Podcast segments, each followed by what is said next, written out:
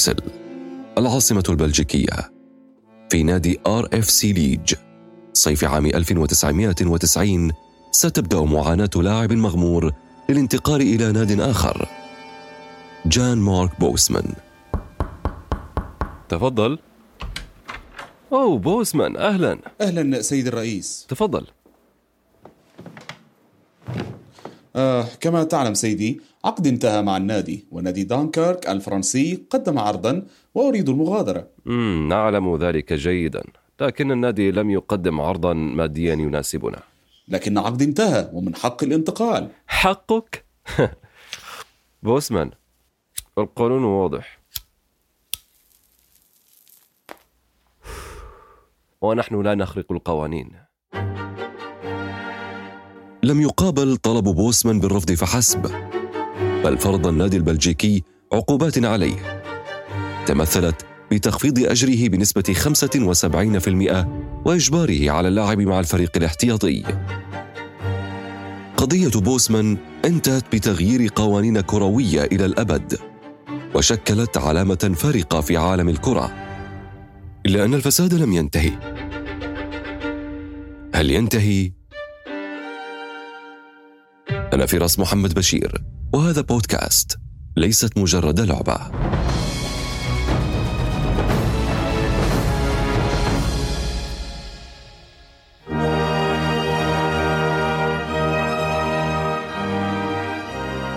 لوكسمبورغ الخامس عشر من كانون الأول ديسمبر عام 1995 محكمة العدل الأوروبية ستشهد إحدى القرارات التي ستغير شكل كرة القدم في العالم. المحامي جان لويس دوبون يترافع باسم بوسمان بعد معاناته الشاقة مع ناديه. ولهذا وبناء على ما تقدم لمحكمتكم الموقرة أطالب بإعادة الحقوق لموكلي جون مارك بوسمان وإلزام نادي آر إف سي ليج بالسماح له بحرية الانتقال إلى أي ناد دون غرامات أو عوائد مادية. وبعد الاستماع إلى الأطراف في هذه القضية فقد قررنا الآتي. أولا لم يعد مسموحا أن تطلب الأندية مقابلا ماليا للتخلي عن لاعبيها المنتهية عقودهم. والراغبين بالانتقال إلى ناد آخر ضمن الاتحاد الأوروبي. كما تم منح اللاعبين الحق في التفاوض مع أي ناد قبل ستة أشهر أو أقل على نهاية عقدهم مع ناديهم القديم. ثانيا، يسمح للأندية الأوروبية باعتماد عدد غير محدد من اللاعبين المنتمين لدول الاتحاد الأوروبي، كما قررنا إلغاء نظام ثلاثة زائد اثنين، والذي كان يسمح بإشراك ثلاثة لاعبين أجانب في النادي بالإضافة إلى اثنين في مقاعد الاحتياط في البطولات الأوروبية. رفعت الجلسة. بعد هذا الحكم سيتغير وجه الكرة مع قانون بوسمان. ليحدث ثورة في سوق الانتقالات الأوروبية ويعطي أملا بتطبيق معايير اللاعب المالي النظيف. لكن دعونا نتفق قبل الخوض في تفاصيل هذه الحلقة أن اللاعب النظيف كمصطلح رياضي شامل لكرة القدم يشير إلى احترام الخصم والحكم والقواعد. ويختلف عن قانون اللاعب المالي النظيف الذي يعمل به الاتحاد الأوروبي لكرة القدم والذي سنأتي على ذكره لاحقا. بالعودة إلى بوسمان فإن هذا اللاعب البلجيكي لم يتوقع يوما أن المطالبة بحقه ستحدث نقلة تاريخية في عالم الانتقالات وتتسبب في إثراء عدد كبير من نجوم كرة القدم وإفقاره هو. القانون منح اللاعبين بغض النظر عن جنسيتهم حرية الانتقال من ناد إلى آخر شريطة توفير رسوم الانتقال وأصبح بإمكانهم الاستفادة من عقود طويلة الأمد ورواتب سنوية مرتفعة كذلك استفادت الأندية الكبيرة صاحبة رؤوس الأموال الضخمة من القانون بعد أن استحوذت على النسبة الأكبر من الصفقات من خلال التعاقد اللامحدود مع اللاعبين من كل الدول. ومع مرور الوقت ستشكل قوانين الانتقالات والصفقات بابا للتلاعب بعقود اللاعبين وفسادا سيسري في أروقة الأندية.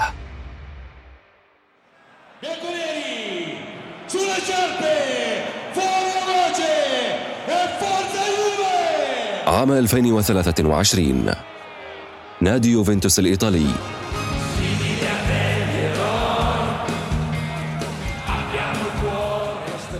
فضيحة جديدة يتورط فيها نادي السيدة العجوز ويتصدر المشهد الكروي. المحكمة الفيدرالية المحلية تخصم 15 نقطة من النادي الإيطالي مع بداية عام 2023 في إطار تحقيقات صفقات انتقال للاعبين. القضية الأساسية اللي أدت لعقوبة 15 نقطة من اليوفنتوس كانت تتعلق أكثر في مسألة التلاعب بقيم اللاعبين وهي لعبة تعتمد اقتصاديا في كثير أندية من سنوات طويلة اليوفنتوس بالغ فيها. هذا محمد عواد المستشار في الإعلام الرقمي واليوتيوبر الرياضي. يتحدث عن مبالغة اليوفي في صفقات الانتقال بتزوير بيانات مالية. لأنه اليوفنتوس هو بالغ في الموضوع لدرجة إنها صارت السجلات المالية ما بتعكس أي شيء من الواقع. ويقال ربما تكون الفارق بين الواقع والحقيقة يعني بين الواقع والحقيقة وبين المكتوب يقارب 300 مليون يورو. هذا رقم كبير كثير من كثرة التلاعب. قد يبدو للبعض أن الاتحاد الإيطالي لكرة القدم أو المحاكم هناك هي من كشف قصة التلاعب بتلك الصفقات. لكن في الحقيقة أن الهيئة المسؤولة عن تشريع القوانين في سوق الأسهم الإيطالية هي من قادت تحقيقات شملت ما يزيد عن 60 صفقة متعلقة بكل أندية إيطاليا ولليوفا النصيب الكبير من هذه الصفقات لتتخطى الأربعين صفقة. اليوفي مذنب بحق نفسه. تضخيم رأس المال هو شيء موجود قانونا موجود في سوق الأسهم موجود في كل شيء في الدنيا. يعني هي الفرق أن بعض الشركات تستخدم تضخيم رأس المال تبيع من أجل سوق الأسهم تبيع عمارة تملكها. يبدو الموضوع معقدا. تزوير بيانات مالية مصطلحات اقتصادية مكاسب رأس المال تضخيم مكاسب رأس المال أو مكاسب رأس المال الوهمية. فلنبدأ مع مكاسب رأس المال ومع ضيفي عامر الشوبكي الخبير الاقتصادي. مكاسب رأس المال هي ربح يتم تحقيقه من بيع أي أصل رأس مالي كان استثمار أو عقار أو أي أصل من الأصول المعروفة بحيث يتخطى سعر البيع سعر الشراء لنفس العقار أو الأصل لنفس الاستثمار. جميل جدا.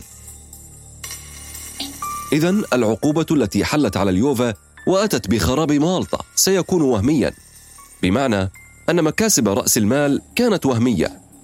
ولنفهم مكاسب رأس المال الوهمية نعود إلى محمد عواد. اليوبي كالاتي بيعمل ببيع لاعب مهم ببيعه ب 20 مليون 30 مليون. بروح على النادي الآخر بقول لهم لا اشتروا مني ب 50 تكتبوا على الورق إنكم اشتريتوه ب 50 بتعطوني لاعبين من الناشئين اللي عندكم اللي ما بدكم إياهم وأنا بسجل عليهم إنهم هدول ب 20 الفرق إنه اليوبي لما يدخل عليه الفلوس بتدخل على السنة لما يبيع. لكن اللي هدول اللي بيشتريهم ال 20 مليون اللاعبين الناشئين اللي مش ناوي يلاعبهم أصلا بنتقلوا على خمس سنين على مدة العقد. فبالسجلات المالي المالية السنوية بصير اليوم بيعلن أرباح. أو بيعلن إنه هو فعليا تمام مع قانون اللعب المالي النظيف تمام مع كل شيء. المشكلة هون إنه اليوفي عم بيشتري لاعبين قيمتهم zero تقريبا وبيسجلها بالواقع ب 10 و15 و20 مليون ولأعزز ما قاله عواد سأروي لكم قصة صفقة بيانيتش وآرثر الشهيرة بسرعة. خلال أقل من دقيقة. ابدأ العد. عام 2020 جرت عملية انتقال في اتجاهين متعاكسين إذ انتقل اللاعب البرازيلي آرثر ميلو من نادي برشلونة إلى نادي يوفنتوس مقابل 72 مليون يورو.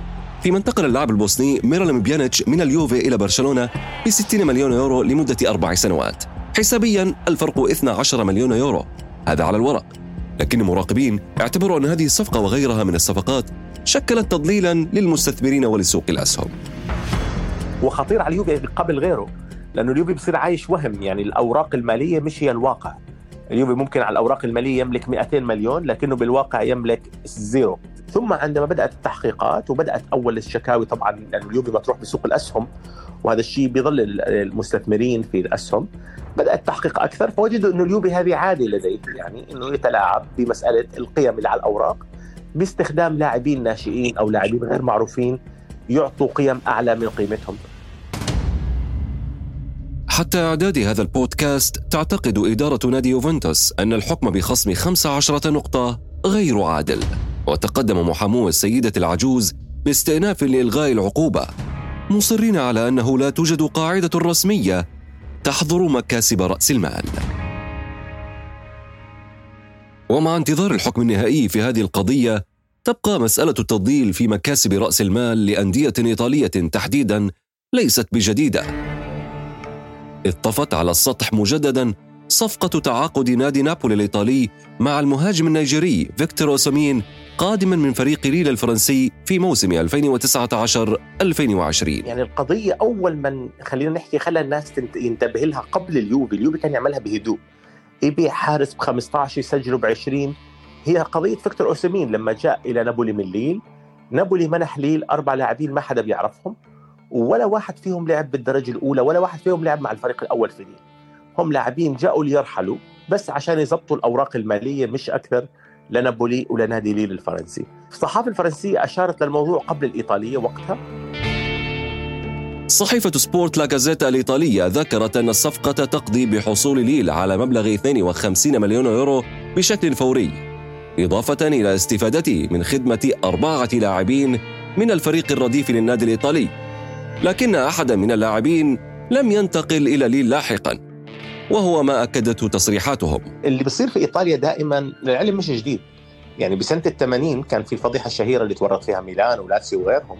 كانت فضيحة تلاعب بالأخير انكشفت لأنه أحد المراهنين الصغار يعني زعل فراح خبر كان هو أعتقد تاجر خضار أو شيء زي هيك موجود في المنطقة. راح بلغ إنه هيك هيك عم بصير فبلشت القصة تنكشف يعني من شخص واحد.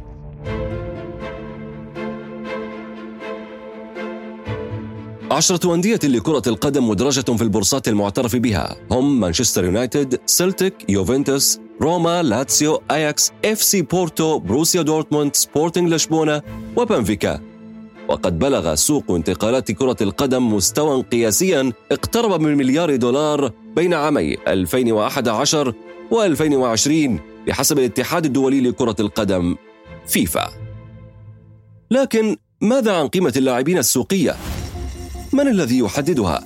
هل هناك عناصر تتدخل في الصفقة مع اللاعبين؟ هو فعليا ما في مرجع للقيمة. العناصر كثير معقدة وكثير عديدة. إذا نفس اللاعب كان على سبيل المثال بيلعب بالدوري الإنجليزي هو نفسه في نسخة منه موجود في الدوري الإيطالي فاللاعب اللي في الدوري الإنجليزي على سبيل المثال أغلى من هذه النسخة الإيطالية ب 30% هذا أول شيء. الجنسية بتلعب دور المركز اللي بتلعب فيه بيلعب دور النادي اللي بتلعب معاه بيلعب دور التاريخ تاع جنسيتك كلاعب بتلعب دور. يعني لو أنا لاعب مثلا على سبيل المثال مصري عم بلعب في الدوري الإنجليزي وفي لاعب آخر في مكان آخر ربما يكون مغربي بيلعب بالدوري الإنجليزي بنفس الفريق وبنفس كفاءاتي. قبل محمد صلاح كان حيكون المغربي أعلى شوي من المصري لأنه كانوا متعودين الأندية الأوروبية تشتري لاعب مغربي أكثر متعودين تشتري لاعب مصري. ربما يكون في 15 أو 16 عنصر بيحددوا قيمة اللاعب بما فيها العرض والطلب. الرقابة على تلك الانتقالات تبقى في إطار السلطات الرابطة أو الاتحادات المسؤولة عن تلك البطولات في إطار القوانين التي تعمل بها. ووسط هذا سنعود إلى قانون اللاعب المالي النظيف الذي ذكرناه في بداية هذه الحلقة. فما هو هذا القانون؟ قانون اللعب المالي النظيف دائما الناس تعتقد إنه قانون نزاهة، لكنه في الحقيقة قانون منع إفلاس ببداية الألفينات 2009 كان موضوع نسمع إنه نادي افلس، نادي ما دفعش الرواتب ست شهور موضوع يومي، أندية إنجليزية أفلست أندية إيطالية أفلست منها بارما طبعا وحتى لاتسيو بلحظة من اللحظات. أندية فرنسية عديدة أفلست إسبانية عده أندية بيعت بسعرها يعني بيعت بديونها فقط. يعني خذ النادي ودبر حالك فيه. الا بألمانيا لأنه ألمانيا عندها قانون الملكية مختلف. فجاءت فكرة قانون اللعب المالي النظيف أساسا عشان الأندية تبطل تفلس. يعني النادي ما يصرف أكثر من دخله بس. لو دخل عليه 700 مليون بيصرف 700 مليون. دخل عليه 20 مليون بيصرف 20 مليون. فالمسألة لها علاقة بالدخل. ما لها علاقة أبدا لا بلاعبين ولا أسعار ولا شراء ولا كم لاعب بشتري ولا كم لاعب بدفع. بما أنه دخلي بيدفع فلوسي وهذه المشكلة الآن اللي مع مانشستر سيتي.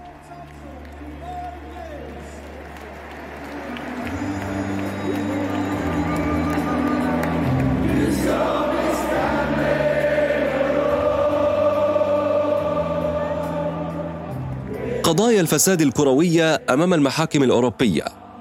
إيطاليا ليست وحدها في قفص الاتهام، بل إن دولا عدة متهمة بالفساد منها بريطانيا، حيث وجهت أصابع الاتهام إلى نادي مانشستر سيتي بانتهاك قواعد اللاعب المالي النظيف وارتكاب انتهاكات جسيمة في عقود اللاعبين وعقود الرعاة خلال الفترة الممتدة من أيلول سبتمبر 2009 إلى نهاية موسم 2017 2018 القضية إنه بقول لك إنه مانشستر سيتي شو بيعمل عشان يدفع أكثر؟ بيحاول يضخم مداخيله. بدل ما اليوفي كنا نحكي عنه يضخم رأس المال هون بنتكلم عن تضخيم المداخيل. يعني أنا بعمل عقد مع شركة رعاية ب 5 مليون بسجلها على الورق 8 مليون. لكن أنا بستلم خمسة فعليا ما بستلم ثمانية. بسموها تضخيم المداخيل. لكن مانشستر سيتي في القضية الماضية يعني كسبها. وخصوصا إنه القضية يعني بنيت على عملية هاكينج يعني عملية قرصنة. فالقضية كلها مبنية على باطل يعني لا يجوز تتكمل. وهذا اللي الشيء اللي خلى مانشستر سيتي يفوز بالقضية السابقة يعني وأعتقد حيفوز فيها بنفس الطريقة. الفساد قضية مرتبطة إلى حد كبير بكرة القدم. وهذا ما ظهر جليا في قصة جان مارك بوسمان الرجل الذي تسبب في أن يصبح عدد كبير من اللاعبين من أصحاب الثروات.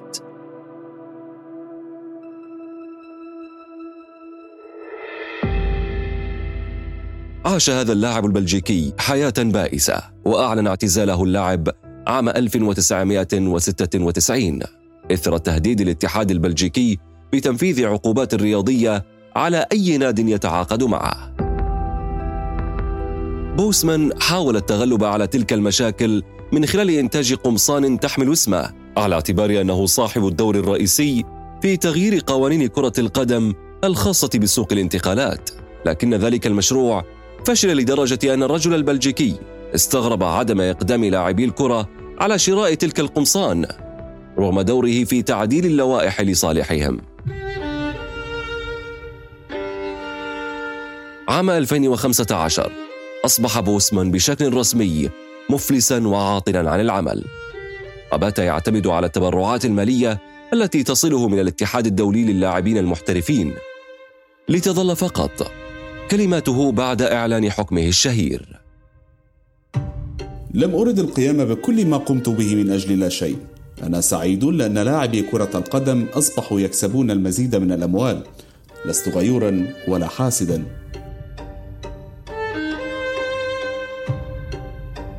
كان هذا بودكاست. ليست مجرد لعبة. وأنا فراس محمد بشير. لا نستطيع أن نعرف ماذا جرى بالضبط في المكاتب المغلقة. لذلك فالحوار الذي سمعتموه في الحلقة حوار تخيلي يعتمد في محتواه على المصادر التاريخية المتوفرة.